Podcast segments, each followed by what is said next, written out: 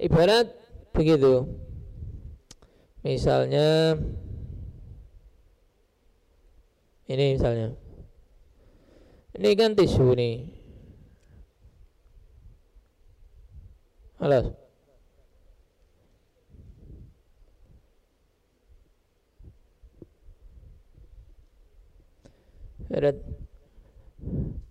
Nah ini ini sudah kotor ini. Dosa satu, dosa satu, dosa satu, dosa.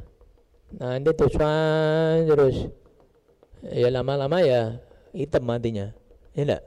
Terus ini dosa berbuat dosa setiap hari terus lama-lama kita ada kotor. Nantinya kotor lama-lama. Apalagi dosa besar, dosa besar langsung langsung ini. Dosa besar langsung banyak. Langsung begini.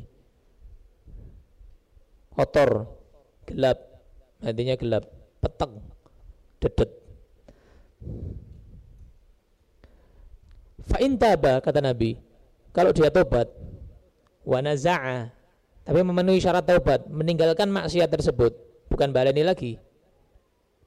Wastaghfara minta ampun sama Allah nyesel sama Allah.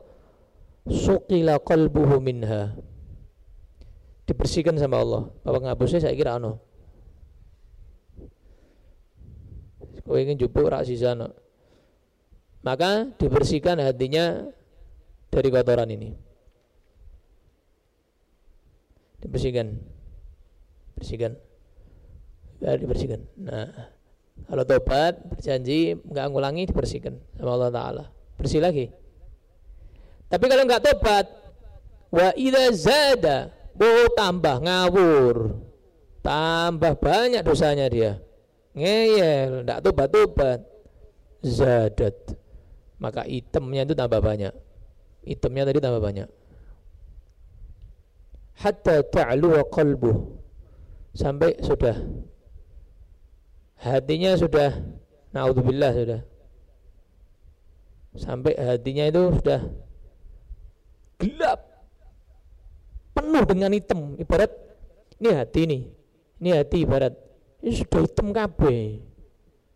Bukan tidak tobat-tobat full sudah sudah full Fadzalikumur ron. Ini namanya ron.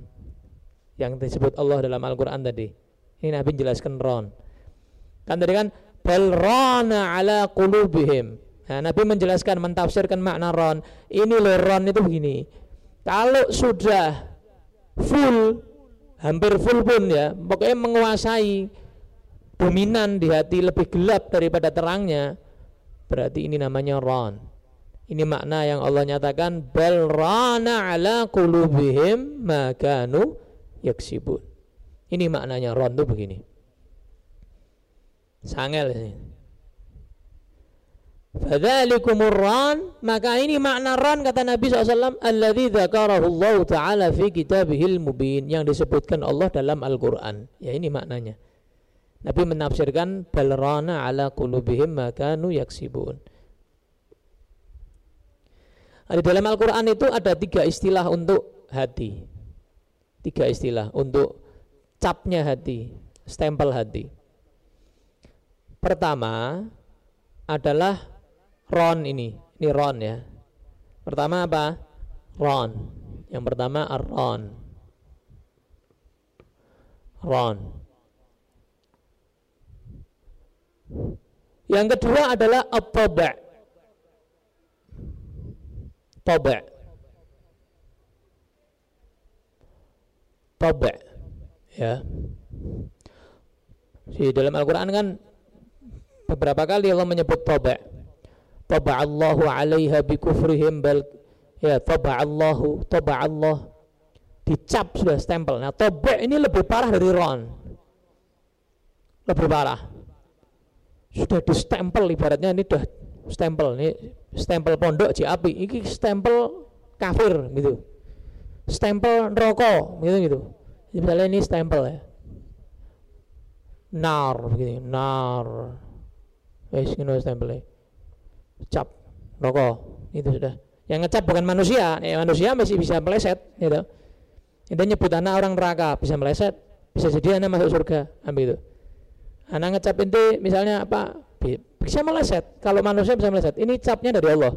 Allahu. Allah yang ngecap. Allah yang ngecap. Stempel. Pes. Stempel. Rokok, fasik, kafir gitu. Murtad, stempel sama Allah.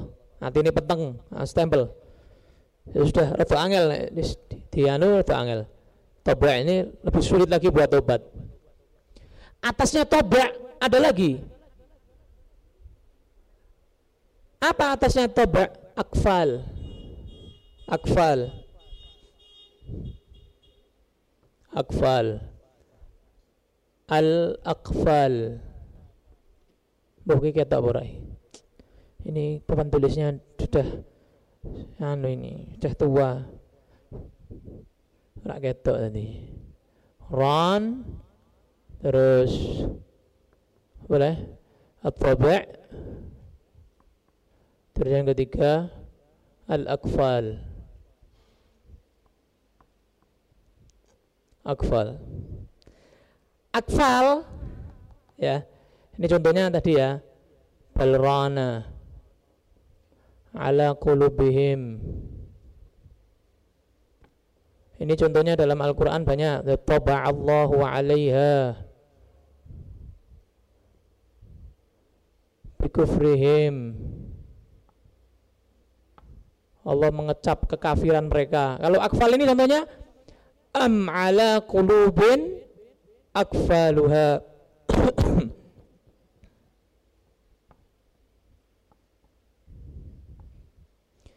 Kenapa mereka kok nggak mau beriman, nggak mau tobat? Hatinya ada di gembok. Akfal ini gembok, di gembok. Rumah di gembok, di malingnya angel. Ini mau maling mau mengasih hidayah masuk ke dalam sini angel. Jadi gembok sama Allah. Sulit. Dah gembokan. Berarti gembok. Tidak menerima hidayah. Mana aja kan donat apa?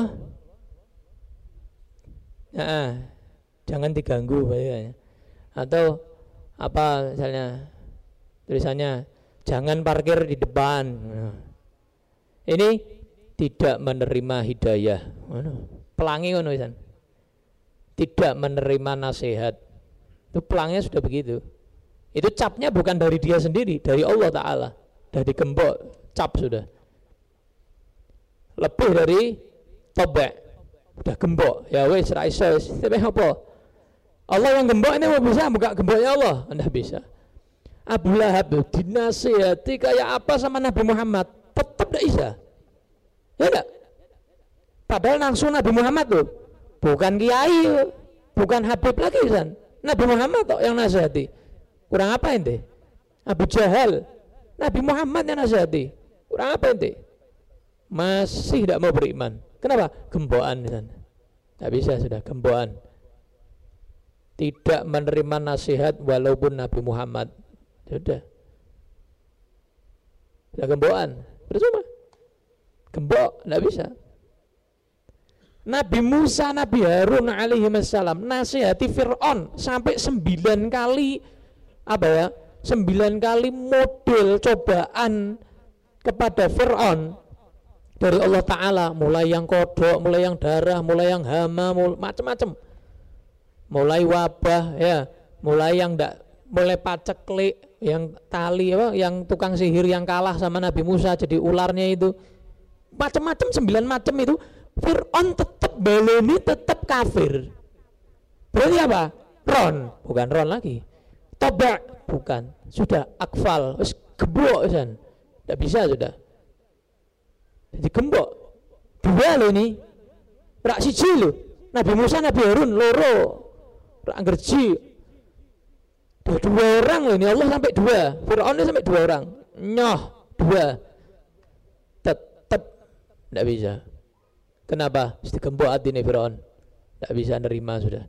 Mau dua nabi, sepuluh nabi, tidak bisa. Tidak nerima dia. Tembok, hati-hati. Ya, sudah hatinya dikembok, bahaya itu. Bahaya. Am ala qulubin akfaluha.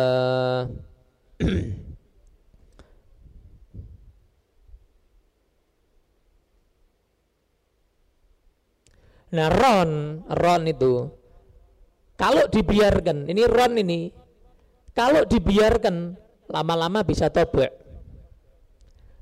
Kalau sudah tobek, dibiarkan, tidak dibuka-buka itu tobeknya, tidak hilang no stempelnya itu sama dia. Tidak, tidak, tidak, ibaratnya tidak, tidak tobat-tobat apalah segala macam.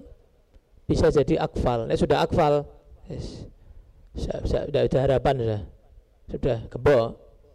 Ada harapan? Fir'aun ada harapan? Tidak ada. Abu Jahal Abu Lahab ada harapan? Tidak ada sudah. Sudah. Tidak ada harapan sudah.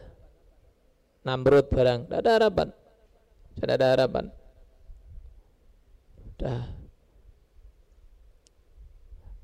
Nah hati itu ada hati yang masih kotor bisa dibersihkan, kan? Sama kayak rumah kotor, bisa dibersihkan, bersihkan. Ya, pakaian kita kotor bisa dibersihkan, tubuh kita kotor bisa mandi, bersihkan badan bisa. Masih bisa dibersihkan. Ada hati yang pingsan. Tidur, tidur, tidur dulu sebelum pingsan, tidur. Tangi nih so, eh tangi, sadar, melek, sadar. Kamu nih lagi tidur, kamu nih ngimpi, sadar, sadar. Melek, sadar, eh tobat. Ada yang begitu? Cek gampang lah turu cek gampang. Ada yang pingsan? Macam-macam kayak balsem ya. Ya ampuni fresh care misalnya. Terus banguni di siram air atau dikompres macam-macam. Lebih sulit dari orang banguni orang di tidur. Tangi oh alhamdulillah berarti dapat hidayah. Tapi ada juga hati yang apa? Mati. Ada orang mati dihidupkan tangi. Eh Orang mati dihidupkan ya tidak sudah mati yuk. Ada hati yang mati. Kalau sudah hati mati ya sudah. Tidak bisa. Ente mau apa no tidak bisa sudah. Kecuali semua hidayah dari Allah loh ya. Semua terserah Allah. Ini kita bahas ilmunya. Ilmunya begini. Ilmunya begini.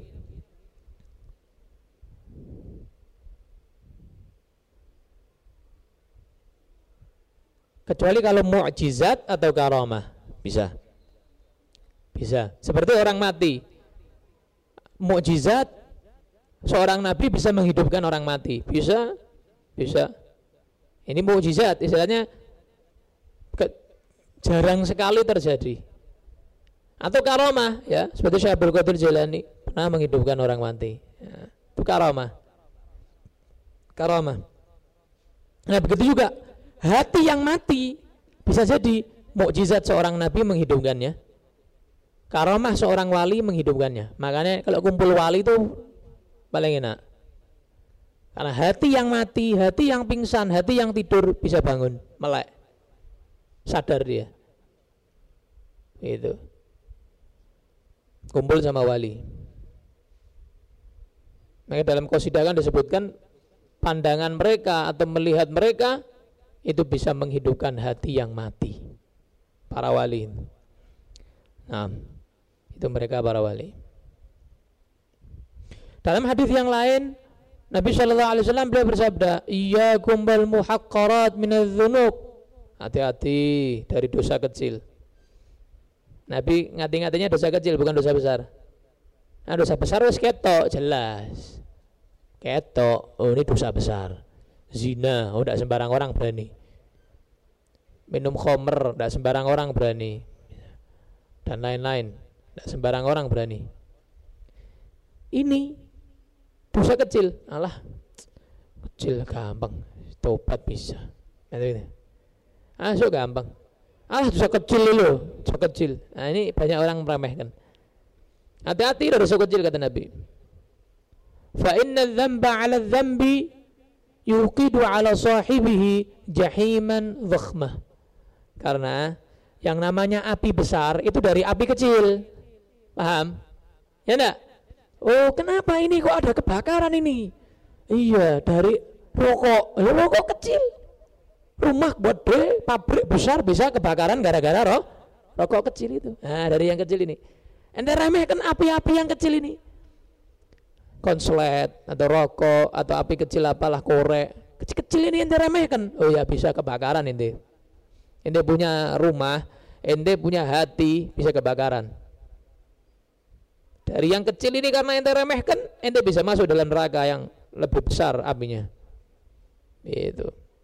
Ini Nabi yang bilang. Sallallahu ala Nabi Muhammad. Nah, beliau yang bersabda ini, hati-hati sama dosa kecil. Jangan diremehkan dosa kecil itu. Bahaya dosa kecil itu. Kayak tadi ibaratnya kayak kebakaran itu. Allah. Naam.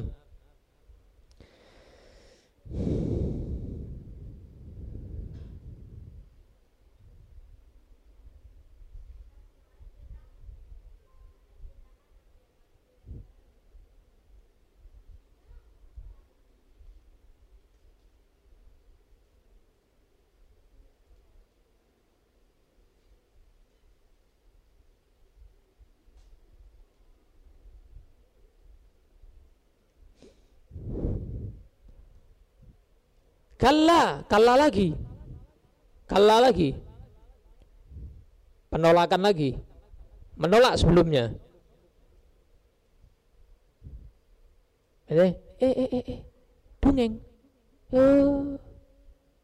Hatinya sudah kotor ini.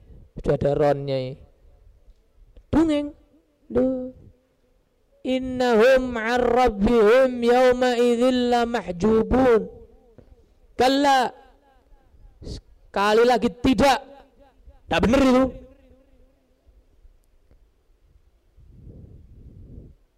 Hakkan. Ya. Sungguh innahum. Sesungguhnya mereka. Ar-Rabbihim atas Tuhan mereka yauma izin di hari itu. Hari itu hari kapan? Yaumal qiyamati di hari kiamat. La mahjubun sungguh mereka akan terhijab dari Tuhan mereka. Fala yarawnahu. Mereka nggak bisa lihat Allah. Orang-orang yang hatinya kayak gini, ron, apalagi toba, apalagi akfal, ya, apalagi yang ron aja, itu mereka la mahjubun an rabbihim. Mereka terhijab dari Tuhan mereka. Gak bisa lihat Allah. Mau lihat Allah mana Allah itu mana? Yang lain orang mukminin, salihin, apalagi aulia, syuhada, anbiya, mursalin, apalagi. Mereka lihat Allah. Dari mana Allah mana? Tak ketok. Tak kelihatan. Tak tahu, tak kelihatan. Tak kelihatan Allah. Kenapa? Dihijab sama Allah. Matanya nggak dikasih nikmat melihat Allah. Karena melihat Allah itu nikmat. Lebih nikmat dari melihat Nabi Muhammad lebih nikmat dari melihat surga. Paling nikmat nanti di akhirat itu apa? Melihat Allah. Melihat Allah Ta'ala. Itu kenikmatan yang tidak bisa dirasakan. Kalau melihat Nabi Muhammad, para sahabat sudah pernah merasakan. Ya gak? Kumpul sama Nabi. Surga, ya Nabi pernah merasakan. Nanti kita semua juga merasakan kalau surga tapi melihat Allah Subhanahu wa taala kenikmatan yang luar biasa. Baru Nabi Muhammad yang merasakan. Malaikat aja belum merasakan. Baru Nabi Muhammad saat Mi Mi'raj menerima perintah sholat. Baru Nabi Muhammad aja yang merasakan melihat Allah bertemu Allah. Nah, so nanti semua bakal bertemu Allah Subhanahu wa taala, cuman ada yang mahjub, ada yang enggak mahjub. Mahjub itu terhijab. Nah ini Orang-orang yang hatinya ron, kotor kayak begini, di lebih dominan kotornya daripada bersihnya, mereka termasuk orang-orang yang arrabbihim yauma idzilla mahjubun termasuk orang-orang yang terhijab dari Allah nggak lihat Allah taala. Naudzubillah dzalik. Hati-hati. Nggak bisa lihat Allah. Ini pendapat yang kuat dalam kitab tafsir pendapat yang kuat ini pendapat mufassirin. Ada pendapat yang lemah. Qil, pendapat yang lemah. Wakila, ada pendapat yang kedua. Maksudnya la mahjubun itu apa? Sengaja sama Allah diperlihatkan sekali sekilas langsung tidak bisa lihat lagi. Ben tambah Orang kalau pernah ngerasakan terus tidak ngerasakan lagi, gelo. Ya. Contoh, ada orang kaya. naudzubillah min dalik jatuh miskin lebih gila dari orang yang seumur hidup miskin menurut miskin ya aku wis ngene iki gitu wong payah juga gembeduk jatuh miskin tiba-tiba temennya berubah ya rekannya berubah cara kerjanya berubah sudah nggak serba dilayani dan lain sebagainya. Kaget deh. Kulo nah sama Allah ada pendapat yang kedua ini menyatakan sekilas sengaja sama Allah diperlihatkan. Melihat Allah Ta'ala sekilas habis itu dihijab lagi. Wis jadi belo ya Allah ketun. Coba oh dulu di dunia saya beramal beramal soleh. Coba dulu di dunia saya nahan nafsu. Coba dulu saya sabar. Coba coba coba coba coba. Kasep. Tidak bisa. Terlanjur nah ini dua pendapat ya. Tapi pendapat yang kuat pendapat yang sahih tadi. Dari awal nggak bisa lihat Allah. Nggak dikasih kesempatan lihat Allah Ta'ala walaupun sekilas. Pendapat yang kuat pendapat yang sahih. Nah.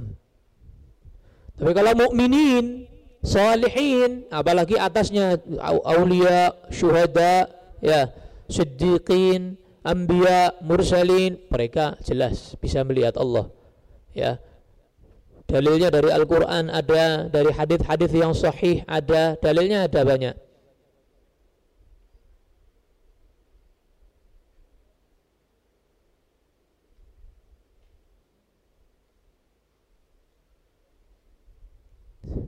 Sampai dikatakan oleh Al-Imam Al-Hasan Al-Basri, kalau seandainya orang-orang soleh, para wali, itu dikasih tahu nanti mereka di akhirat nggak bisa lihat Allah saat itu juga mereka mati. Kenapa? Dari kagetnya shock. Buat apa terus saya ini? Ibaratnya nggak bisa lihat Allah. Nggak bisa ketemu sama Allah. Dari kagetnya dari shocknya itu langsung mati. Kaget kenapa? Harapan mereka bisa ketemu Allah bukan surga.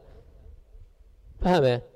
Kalau makan minum di dunia ya bisa makan minum. Cuman nikmatnya surga memang lebih. Cuman yang paling nikmat itu nanti apa? Melihat Allah. Yang dicari sama aulia itu. Cari sama salihin itu. Bertemu sama Allah melihat Allah. Subhanahu wa ta'ala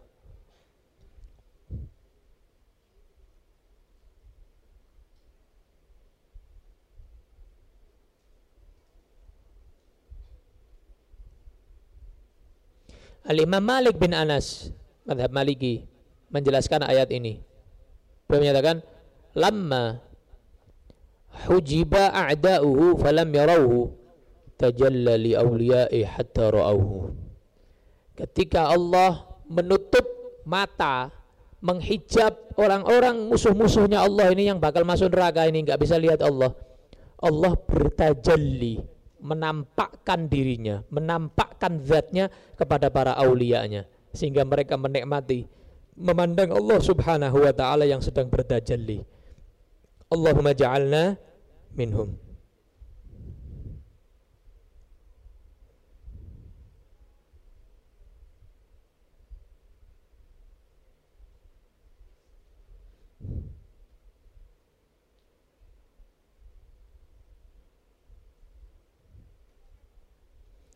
Banyak banyak makna ya tafsir dalam ayat ini. Ada menyatakan seperti Imam Qatadah menyatakan mahjubun an rahmatih. Maksudnya terhijab itu bukan dari melihat Allah tapi dari rahmatnya Allah.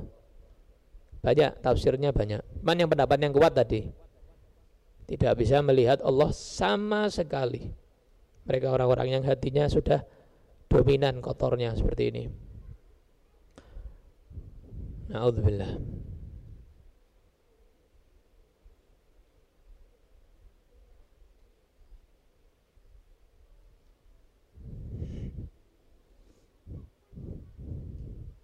Wallahu a'lam.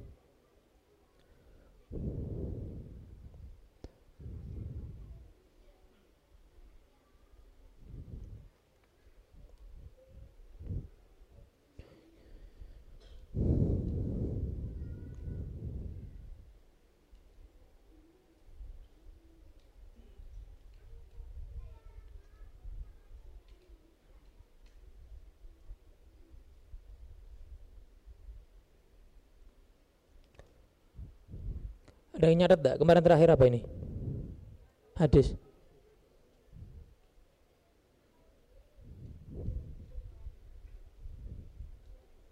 Hmm? Masih nyatet? Apa? Masih? Kelima? Sudah lima? Berarti ini sekarang ke enam? Enam. Ya. Qala al-musannif rahimahullah taala wa nafa'ana bihi bi'ulumi fid dharain amin. As-sadisu hadis yang keenam. Hadis yang keenam. Kitab Riyadhus Shalihin ya. Hadis yang keenam An Abi Hurairah radhiyallahu anhu dari sahabat Nabi Abi Hurairah radhiyallahu anhu. Qal beliau berkata, Qala Rasulullah sallallahu alaihi wasallam telah bersabda utusan Allah Nabi Muhammad sallallahu alaihi wasallam Al-mu'minul qawiyyu seorang mukmin yang kuat khairun lebih baik wa ahabbu dan lebih dicintai ilallah kepada Allah minal mu'minid dha'ifi dari orang mukmin yang lemah.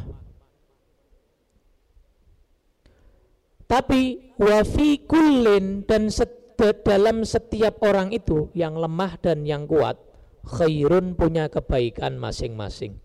Yang kuat, mukmin yang kuat punya kebaikan yang tidak dimiliki oleh mukmin yang lemah.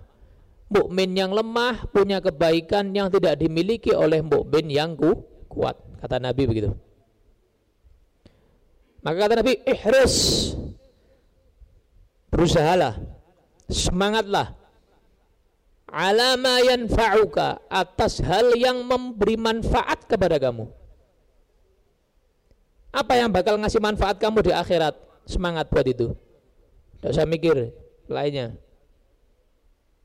Urusan dunia, urusan akhirat, apa yang bermanfaat? Lakukan. Lakukan. Dan jangan cuma mengandalkan semangat. Wasta'in dan minta tolong billah kepada Allah. Jangan mengandalkan semangat kamu, jangan mengandalkan kekuatan kamu aja. Jangan lupa wasta'in billah, minta tolong sama Allah. Sandarkan sama Allah, minta tolong sama Allah. Wala ta'jiz. Ingat ada batasannya. Jangan terlalu menggebu-gebu tapi semangatnya cari duniawi sampai menggebu-gebu enggak misalnya kejar akhirat sampai menyakiti diri sendiri enggak jangan. Jangan terlalu apa ya lebay gitu.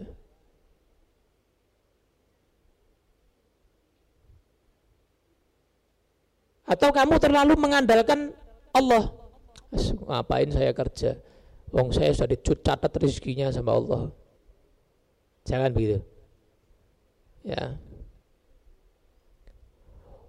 Wa in asabaka syai'un dan jika kamu tertimpa sesuatu fala takul maka jangan kamu sekali-kali berkata lau anni seandainya saya fa'altu kana kada wa kada fa'altu kana kada wa kada kalau seandainya saya itu begini maka tidak mungkin begini jadinya. Coba oh. Gelor ya coba oh saya dulu tuh begini. Tidak mungkin begini kejadiannya. Tidak mungkin gini yang terjadi. Tidak boleh bilang gitu. Salah. Dulu saya tuh kesalahan. Coba dulu saya tuh harusnya gini yuk. Sekarang saya nasibnya tidak mungkin begini. Tidak boleh bilang gitu itu menolak takdir Allah itu. Menolak ketentuan Allah itu. Tidak boleh bilang coba oh jikalau seandainya apa mana? Uh, eh? Andai saja apa mana? Eh? Apa lagi? Harusnya sakjane ya is kabeh. Itu harusnya sakjane apa lagi? Eh di situ kata-kata katanya Habib Abdullah dalam kasidahnya qaulu hamak perkataan orang bodoh. Kenapa? ya'tarib 'ala Allahi alladhi khalaq. Dia itu menolak takdirnya Allah yang menciptakan dia. Tidak usah tuh enam, enam kata tadi itu dibalani menangil. Enam tadi itu pokoknya. Jika lo seandainya sakjane harusnya sakjane apa mana dan lain-lain tadi itu itu jangan dikatakan, tidak boleh.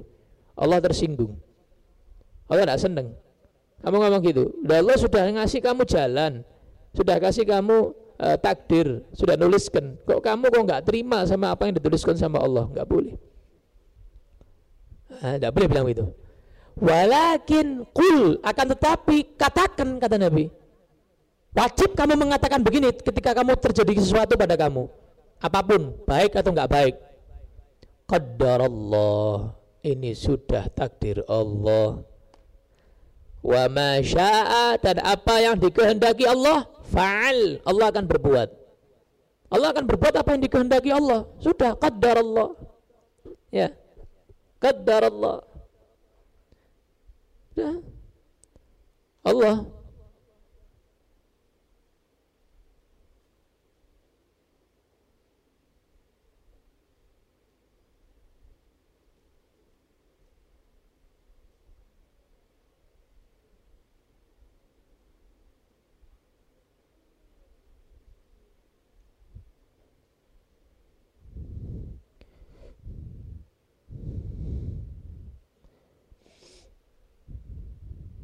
Fa inna lau kata Nabi, karena sesungguhnya perkataan seandainya jikalau sak derete mau sak jane harusnya itu taftahu amal syaitan membuka celah buat setan. Membuka celah buat setan. Ente sudah seandainya coba oh lah itu sudah setannya gue kena Katanya begitu. Kena kamu. Nanti setan akan bermain-main dengan kamu nanti. Kalau kamu sudah begitu, wah macam-macam sudah. Ini dilakukan sama setan. Rawahu Muslim, hadis riwayat Imam Muslim, hadis sahih. Hadis sahih. Baik, sekarang kita bahas ya lebih dalam lagi tentang hadis ini. Mukmin yang kuat. Siapa mukmin yang kuat itu maksudnya? Yang dempal, sing keker kudi ya. Yang pinter silat yang apa? Yang bagaimana mukmin yang kuat itu? Mukmin yang kuat itu adalah maksudnya. Mukmin ya banyak tafsirnya banyak penjelasannya. Ini penjelasan yang secara tasawuf. Ya. Adalah orang yang batinnya kuat. Dia tidak goyah batinnya dengan musibah, dengan cobaan, dengan bala, dengan cacian, dengan apa pun yang terjadi tetap begini. Ada orang menggoyahkan itu tidak goyah. Setan menggoyahkan tidak goyah. Paham ya? Jadi dia tetap berpegang teguh terhadap Allah Ta'ala sehingga dia kuat. Pondasinya kuat dia akidahnya kuat, Islamnya kuat, imannya kuat. Itu mukmin kawi itu itu maksudnya. Mukmin yang kuat batinnya meski batiniahnya. Bisa jadi anak kecil itu bisa lebih kuat dari yang besar, sing kuker gede. Bisa jadi secara ba batinnya. Secara batinnya.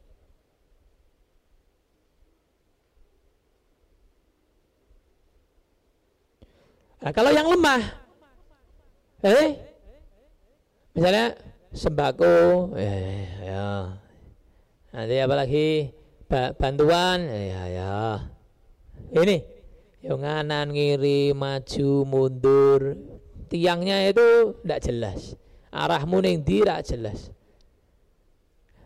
Jadi yang mana yang manfaat, yang mana yang mendatangkan keuntungan, ya wes situ dia. Tidak jelas sudah. Itu mukmin yang dhaif, yang lemah. Imannya lemah. Imannya lemah. Nauzubillah min Itu makna yang pertama. Ya. Makna yang kedua. makna yang kedua, mukmin yang kuat. Maksudnya apa? Maksudnya apa? Ini penjelasan dari Imam Nawawi, ya, Imam Nawawi. Ini ini definisi dari Imam Nawawi. Mukmin yang kuat definisi Imam Nawawi bagaimana? Man lahu sidqu raghbah fi umuril akhirah fayakun akthar ikdaman 'ala al-ibadat. Dia mukmin yang kuat adalah yang dia punya ketulusan, kecintaan yang lebih dominan terhadap akhirat sehingga dia lebih banyak ibadah daripada ngurusi dunia. Itu mukmin yang kuat. Jadi lebih dominan ke ibadah daripada ke selain ibadah. Itu mukmin yang kuat tadi. Versi definisi Imam Nawawi. Nah. Pendapat lain lagi yang ketiga. Tak pendapat agak Ini pendapatnya Imam Qurtubi. Imam siapa?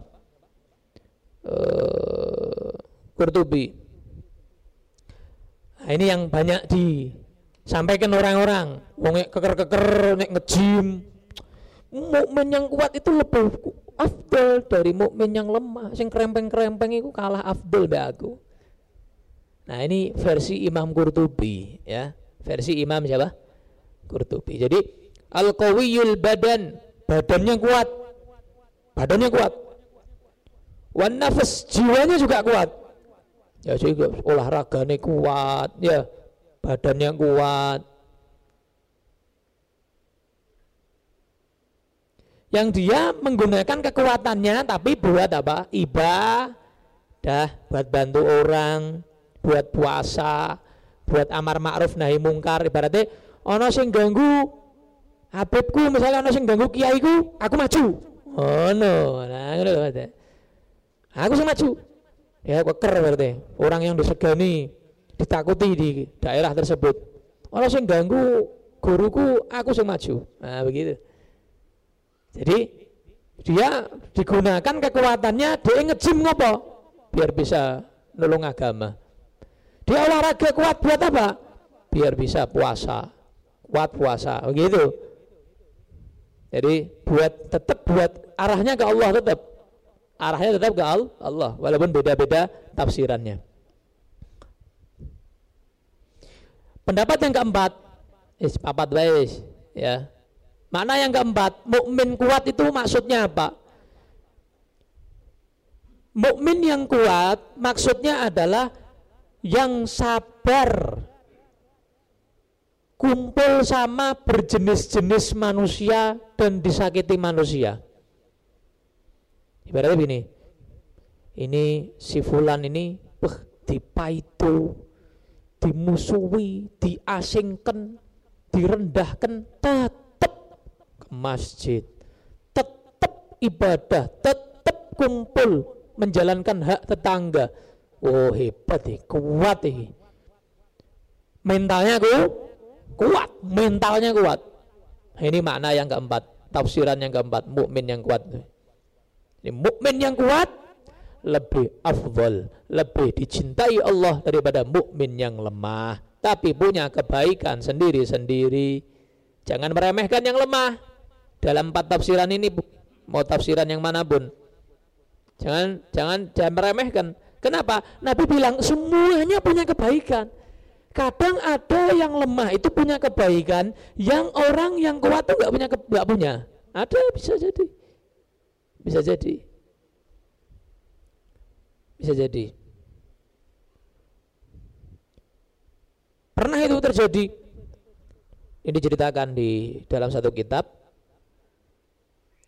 Jadi di satu kampung itu ada seorang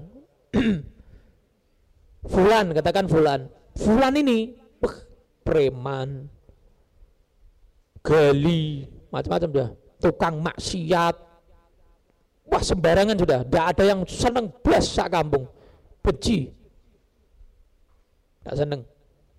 Kok mati? Orang ini mati, wafat ini si preman ini, si fulan ini mati. Kan dimandikan, ya kan? Fardu kifayah kan, mandikan. Oh Islam kok, tidak ada yang memandikan. Mah aku ngetusi wong koyo ngono, kuburannya wegah, nerima ibaratnya begitu. Terus pokoknya tidak ada satu kampung tidak ada yang mau.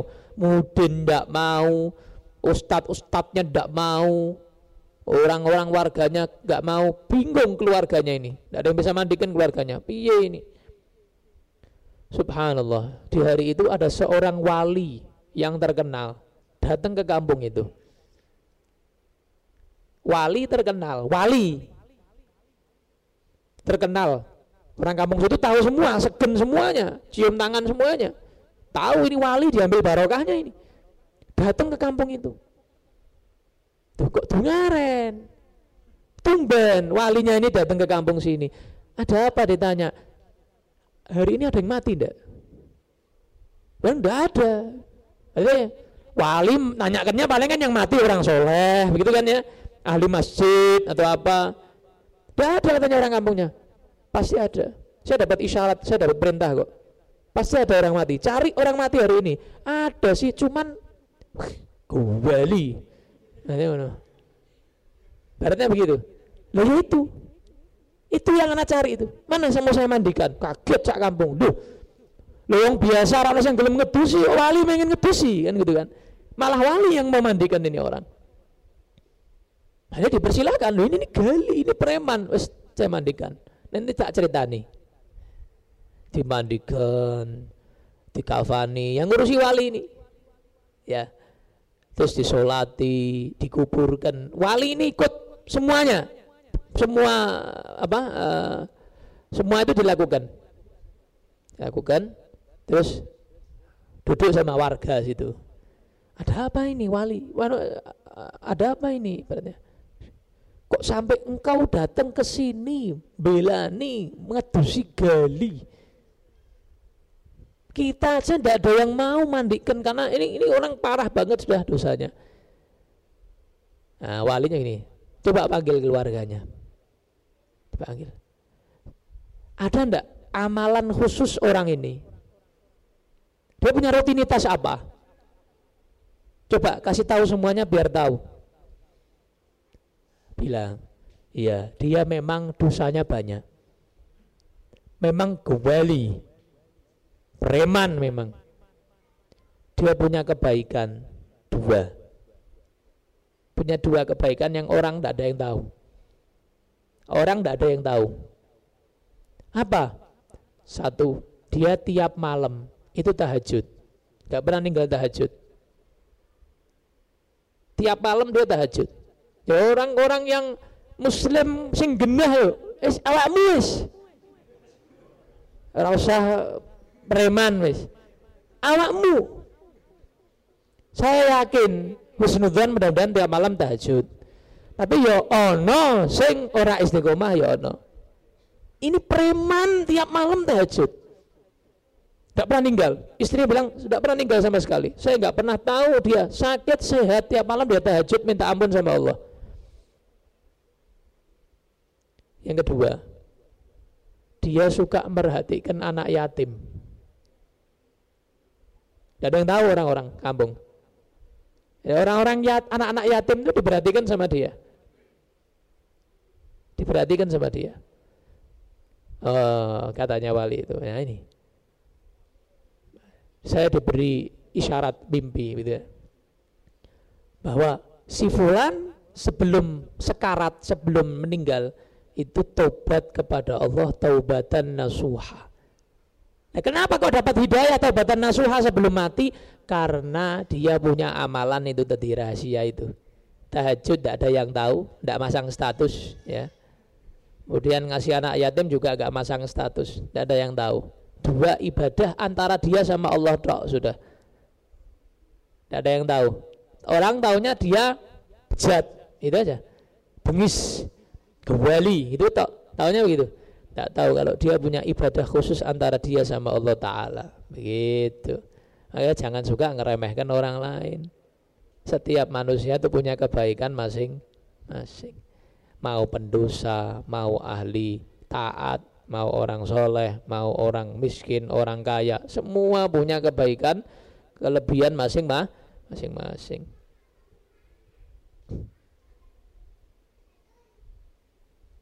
Nah, Maka tadi kata Nabi apa? Sudah, kamu tidak usah ngeremehkan. Semuanya punya kebaikan kok. Yang kuat, yang lemah punya kebaikan. Apa tadi kamu fokus apa? Semangat untuk hal yang bermanfaat. Selesai. Siapa makhluk yang paling dicintai Allah? Anfa'uhum linnas khairun nas anfa'uhum linnas. Sebaik-baik manusia adalah yang paling bermanfaat untuk manusia. Sudah itu aja sudah. Kamu berusaha semangat untuk bermanfaat. Selesai. Urusan agama, urusan dunia, yang penting kamu manfaat. Jangan lupa minta tolong sama Allah. Jangan berarti jangan kamu menuhankan ikhtiar kamu. Jangan kamu menuhankan usaha kamu. Tetap sandarkan sama Allah. Tawakal sama Allah.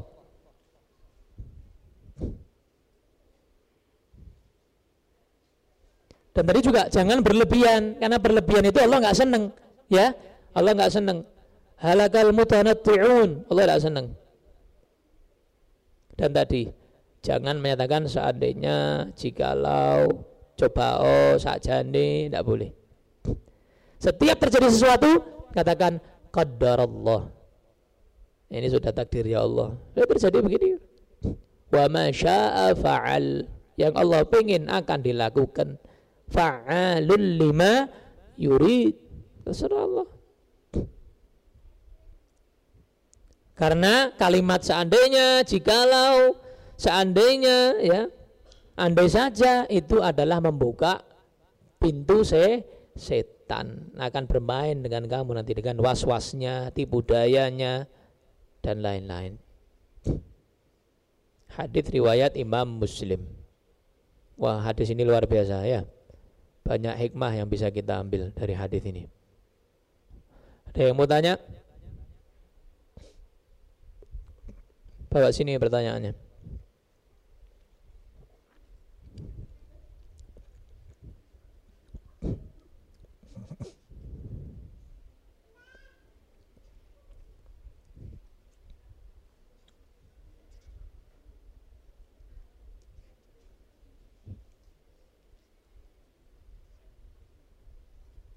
Kemarin fikihnya bahas apa?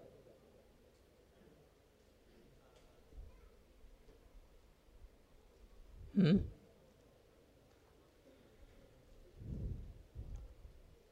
Ayo. Hmm?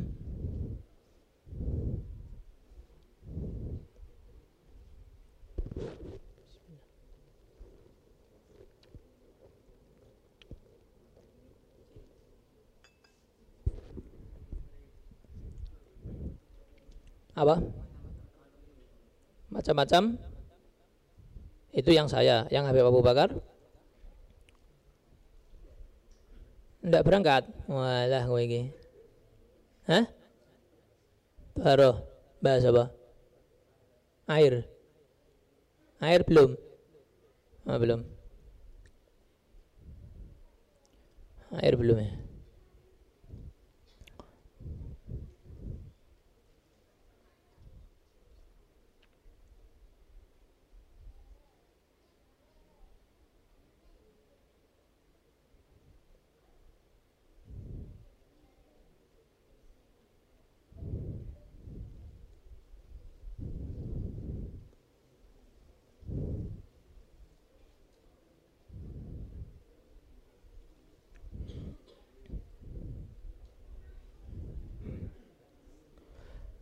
Ya qala al-musannif rahimallahu taala wa nafa'ana bi ilmi fi amin. Al-miyahu. Sekarang kita masuk ke macam-macam air. Air ya, macam-macam air.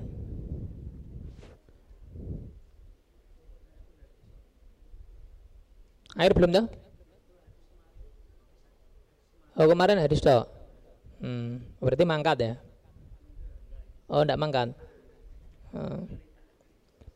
Al miyahu air ya, maun jamaknya miyahun. Air-air gitu ya. Air. Air itu Masya Allah ya Kenikmatan yang luar biasa dari Allah Ta'ala air itu Bisa buat kopi ya suka air Ya ente bisa buat teh sirup ente bisa masak ente bisa hidup minum ya enggak Wah, air itu luar biasa. Istimewa air. Nikmat yang luar biasa. Makanya minum baca doa. Habis minum baca doa.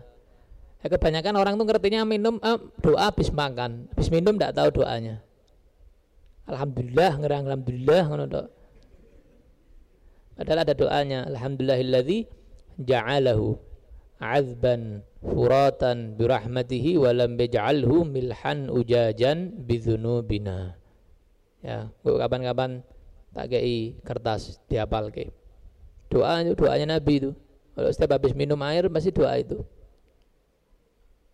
Alhamdulillah ya Allah, engkau jadikan air ini tawar. Enak, ndak asin. Coba bayang banyu sak donya asin. Ya enggak? Ini anak Nabi Muhammad tuh segalanya syukur pokoknya. Alhamdulillah nikmat tawar. Ya enggak? Enak tawar. Dan gara-gara dosa kita engkau enggak merubah rasa air ini. Coba rasa air tergantung dosa masing-masing. Ayo. Eh? Itu doanya Nabi itu. Walam yaj'alhum milhan ujajan bidhunubina dan kau tidak menjadikan air ini berubah rasanya asin atau yang lainnya karena dosa kami wah ya repot. Meh air merek apa pun rasanya plek dosamu. Wah ya pahit. Tidak bisa nikmat ini minumnya. Nah, makanya doa. Syukur sama Allah Ta'ala. Syukur. Itu doanya Nabi itu. Banyak ditinggalkan. Masuk sunnah yang banyak ditinggalkan di zaman sekarang itu. Doa habis minum itu. Nah air-air alati yang ya juzu boleh bisa biha dengannya atau hiru bersuci jadi bisa dibuat bersuci karena ada air yang bisa dibuat bersuci ada yang hanya bisa dikonsumsi ada yang tidak boleh dikonsumsi. Tiga ya. Ada yang bisa dibuat bersuci, yang kedua bisa di, hanya bisa dikonsumsi, yang ketiga nggak bisa buat bersuci, nggak bisa buat dikonsumsi. Ada berapa yang bisa buat bersuci? Sab'u miyahin, tujuh macam air. Tujuh macam air tujuh macam air. Enam. Tujuh macam air. Buat bersuci itu ya buat wudhu, buat mandi, ya, buat mensucikan najis, gitu.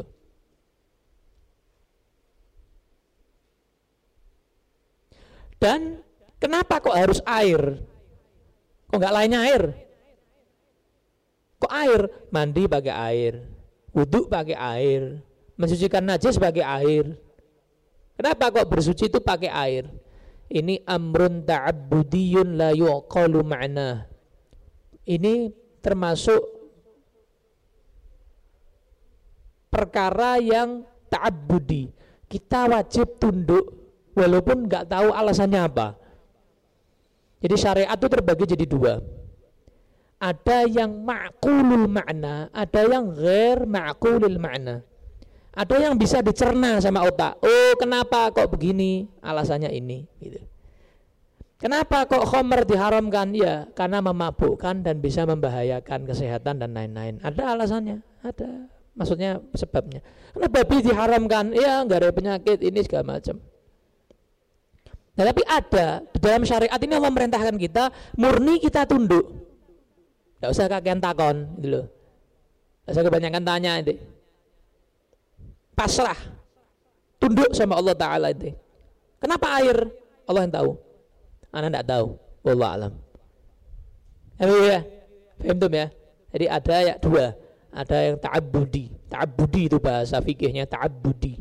Ta'abudi itu perkara yang nggak bisa dicerna. Jadi ta'abud murni penghambaan, murni tunduk sama Allah Ta'ala itu ta'abbudi. Nah, termasuk di antaranya ini bersuci kok harus air. Nah, untungnya umat Nabi Muhammad itu masih rada ringan. Kalau tidak ada air boleh debu. Kalau ada sebab boleh debu. Tayamum. Kalau umat terdahulu tidak ada kata tayamum. Tidak ada kata debu. Oh, harus air. Tidak ada air tidak bisa. Harus air. Boleh. Begitu. Berat. Kalau umat sekarang umat Nabi Muhammad ringan. Syariatnya yang paling ringan, paling gampang.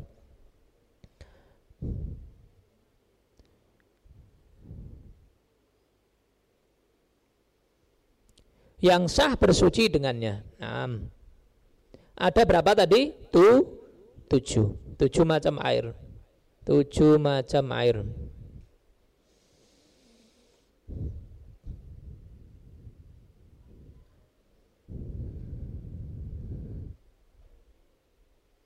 Sebetulnya ada delapan ya. Yang satu apa? Air yang keluar dari jari jemari Nabi Muhammad SAW. Tidak masuk di sini. Karena ya terjadinya sekali doa itu sahabat yang beruntung itu yang bisa apa? bersuci wudhu dari air yang keluar dari jari jemari Nabi Muhammad SAW. Bahkan air itu lebih afdal dari air zam-zam. Kenapa?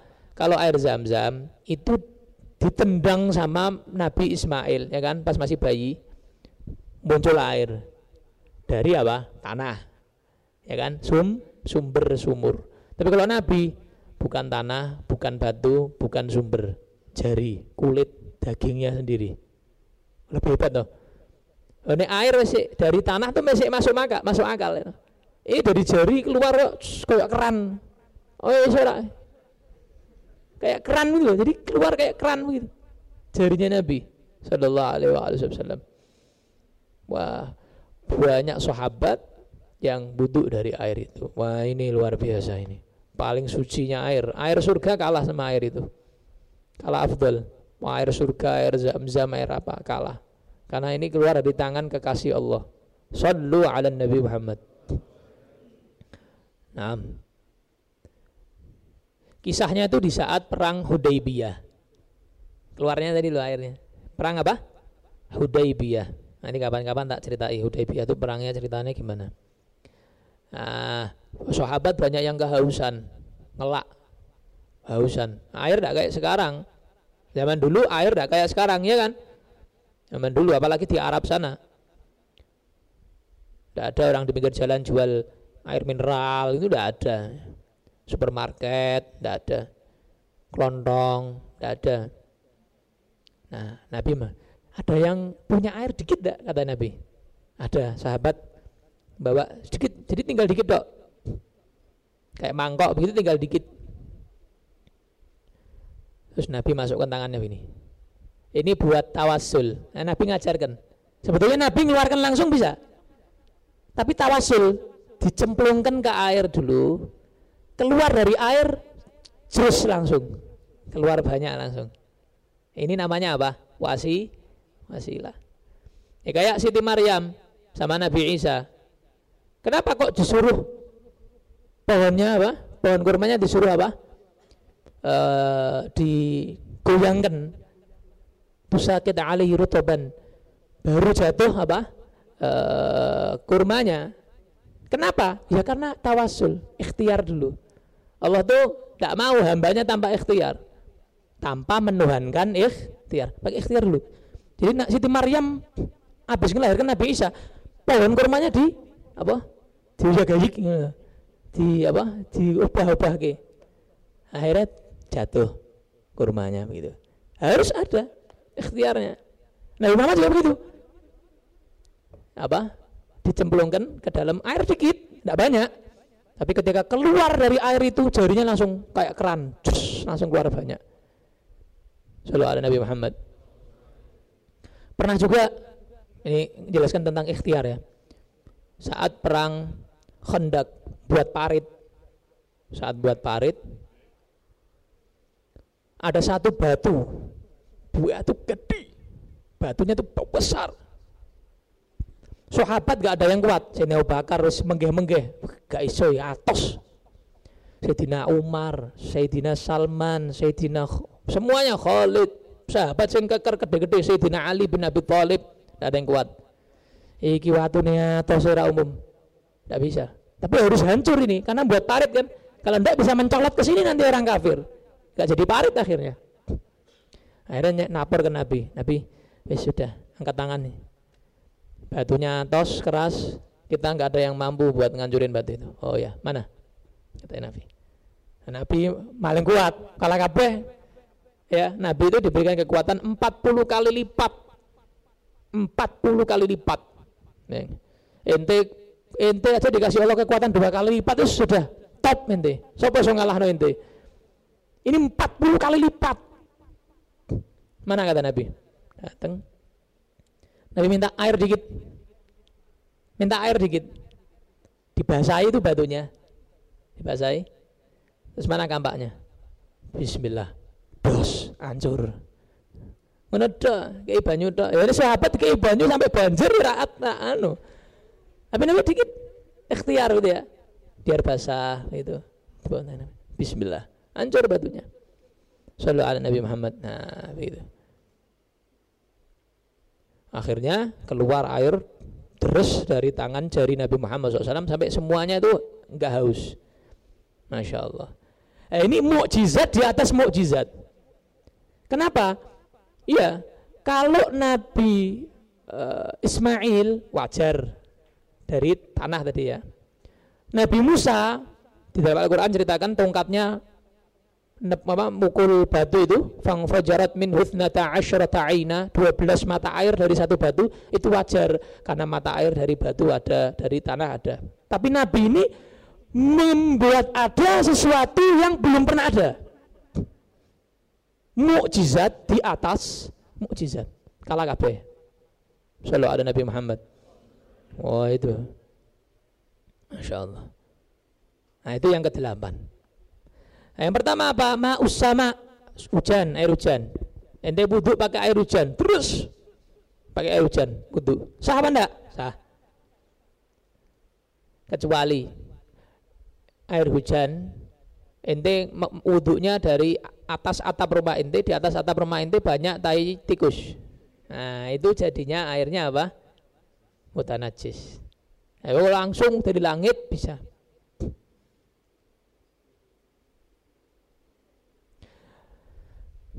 Air hujan ini termasuk di akhir zaman ini yang halal satu-satunya.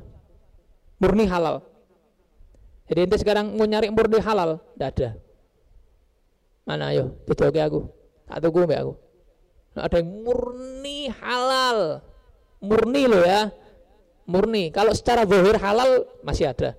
Murni. Ini telusuri itu murni. Tidak ono unsur bang. Tidak ono unsur apa meneh uh, unsur ya bank itulah paling paling gampangnya ada sekarang yang tidak ada embel-embel bank semua bank mobil lewat bank ini kainnya koko ini lewat bank kainnya peci lewat bank apa yo ini material semua ini ya bank ya masjid-masjid ya wis makanya nggak sebarokah masjid zaman dahulu masjid wali songo dulu barokah Masjid-masjid habaib zaman dahulu barokah. Kenapa? Murni halal. Masjid-masjid zaman saiki bagus-bagus. Ya, peti-peti, AC. Jamaah sak sofra. Ya enggak? Enggak ada. Karena kemurnian harta ini juga penting, gitu loh. Murni halal itu juga penting. Untuk ngarani loh ya. Memang yo, ya enggak? Ya, saya enggak meyakini ini murni halal, repot. Karena memang akhir zaman ini.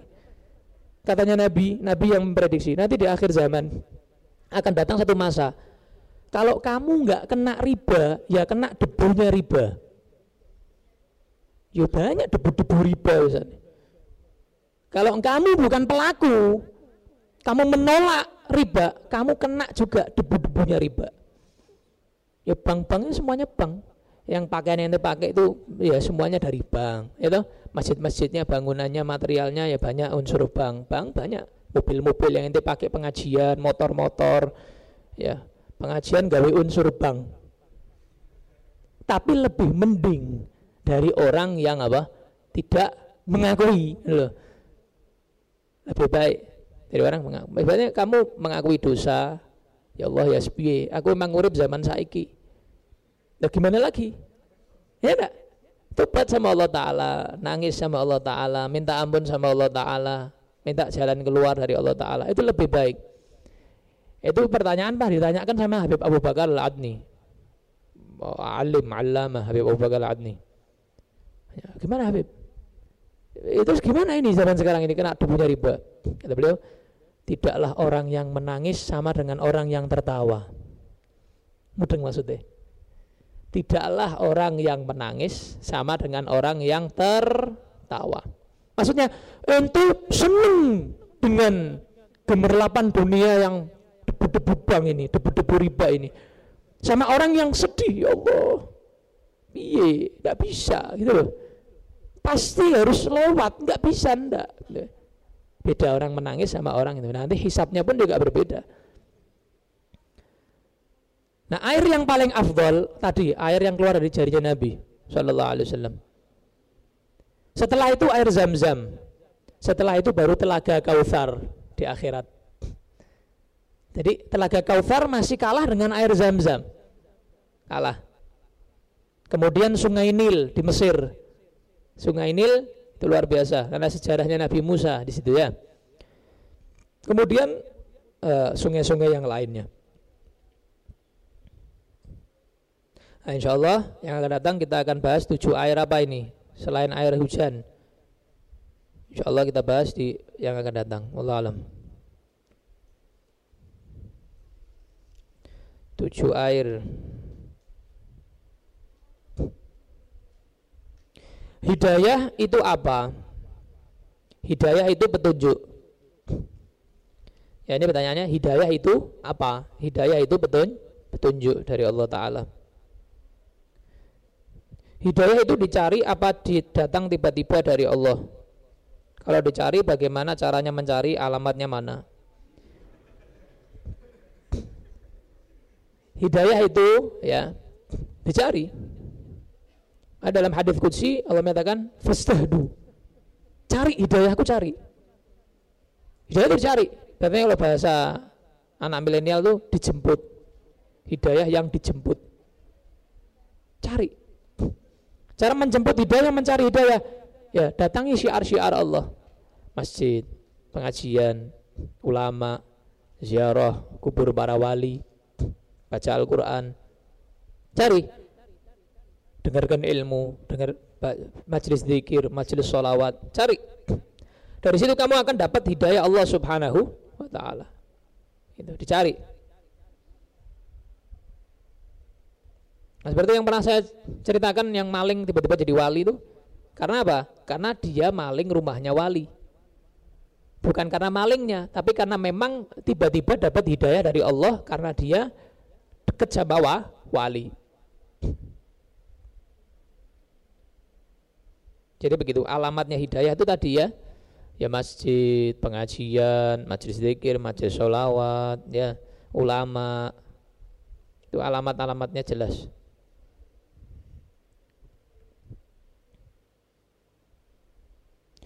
Kalau kita membeli barang lewat bank syariah, hukumnya gimana? Membeli barang lewat bank syariah. Kalau transfer belinya transfer pakai bank, nggak apa-apa. Maksudnya gimana? Jadi kalau eh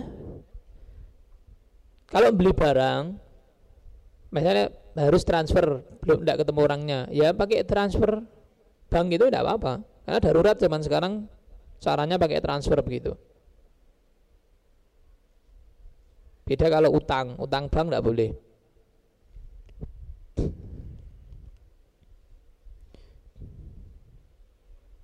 Kalau kita beli barang yang ada harga barang, contoh, dan barang yang mau dibeli belum dibuat, hukumnya bagaimana?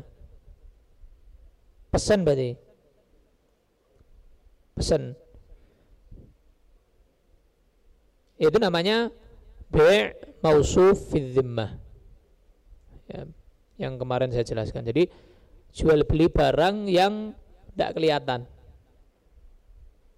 belum ada wujudnya tapi disifatkan dalam tanggungan penjual penjual bertanggung jawab dengan tanggungannya dia akan menghadirkan barang yang diminta oleh pembeli sah ya sah Ya rata-rata begitu sih.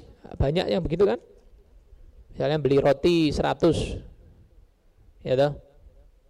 Di belum ready 100, tak buatnya dulu. Kan begitu? Ya langsung ada 100.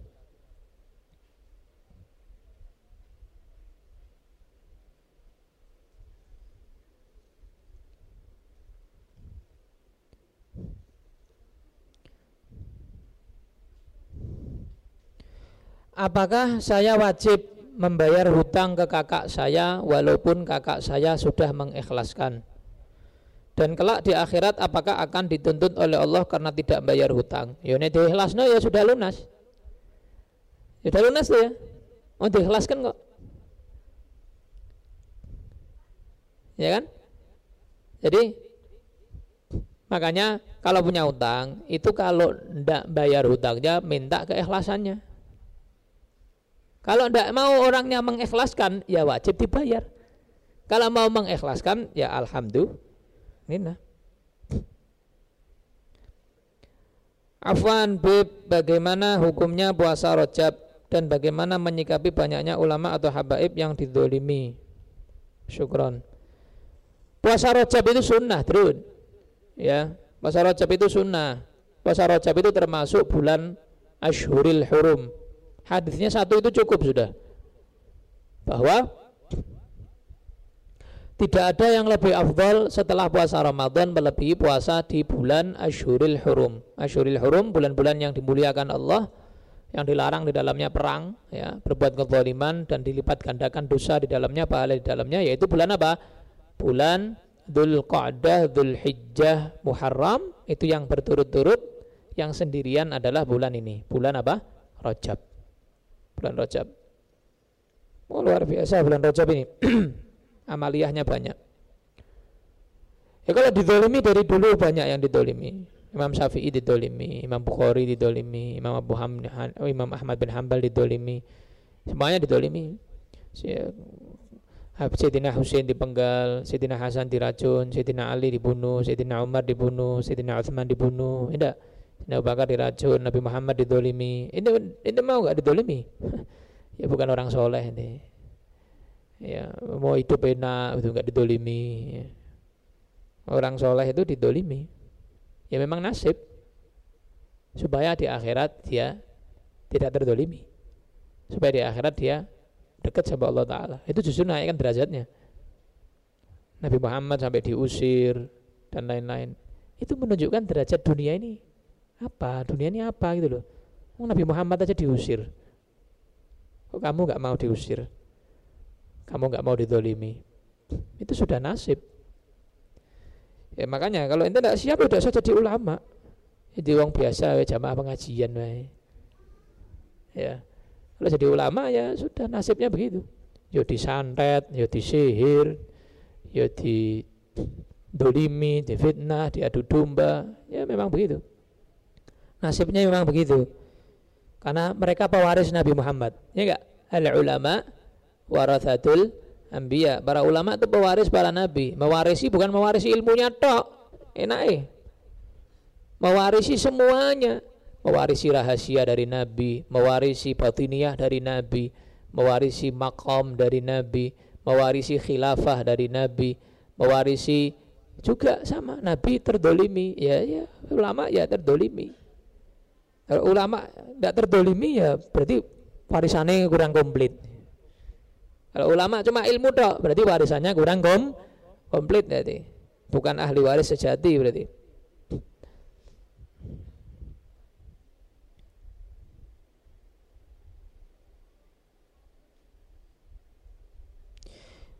Pertanyaan terakhir, saya sedang, saya sekarang ini lagi suka dengan seseorang perempuan di daerah saya dan dia juga menyukai saya yang saya tanyakan yaitu apakah saya berdosa memendam rasa kepadanya? Kalau dipendem tidak dosa.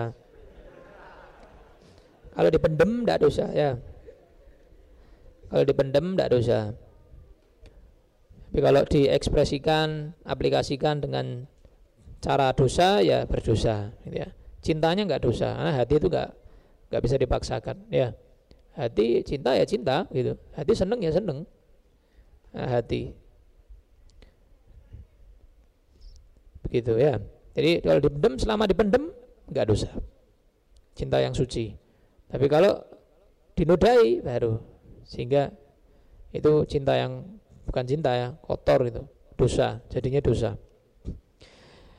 Ada tiga permintaan doa. Pertama, doa untuk adik saya yang tipes. Nah, lain kali pakai nama. Ini doa adikmu sopo.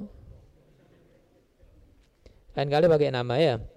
Minta doa buat ibu saya Bu Sundari binti Citro Rukiman yang sedang sakit di rumah sakit. Dan juga buat guru yang sedang diuji Allah. Kedua putranya kecelakaan dan meninggal.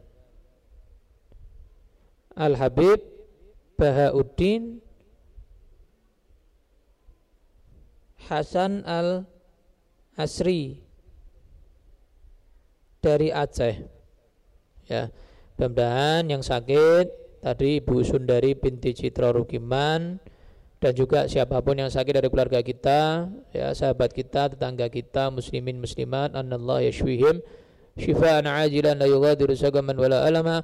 Allahumma rabban nas bil bas ishfa syafi wa afidna al mu'afi la shifa la shifa'uk. على هذه النية كل صالحة على من على من نبأ الصالحون لا حضرة النبي الفاتحة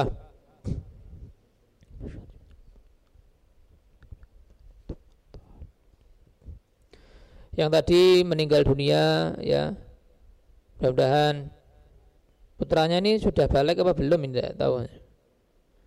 Kalau belum balik mudah-mudahan jadi celengan buat orang tuanya di akhirat ya menjadi pen, ya, yang mensyafaati orang tuanya di hari kiamat. Kalau sudah balik mudah-mudahan diampuni segala dosanya ya. Jadikan termasuk ahli jannah insyaallah fi khair wa al-fatihah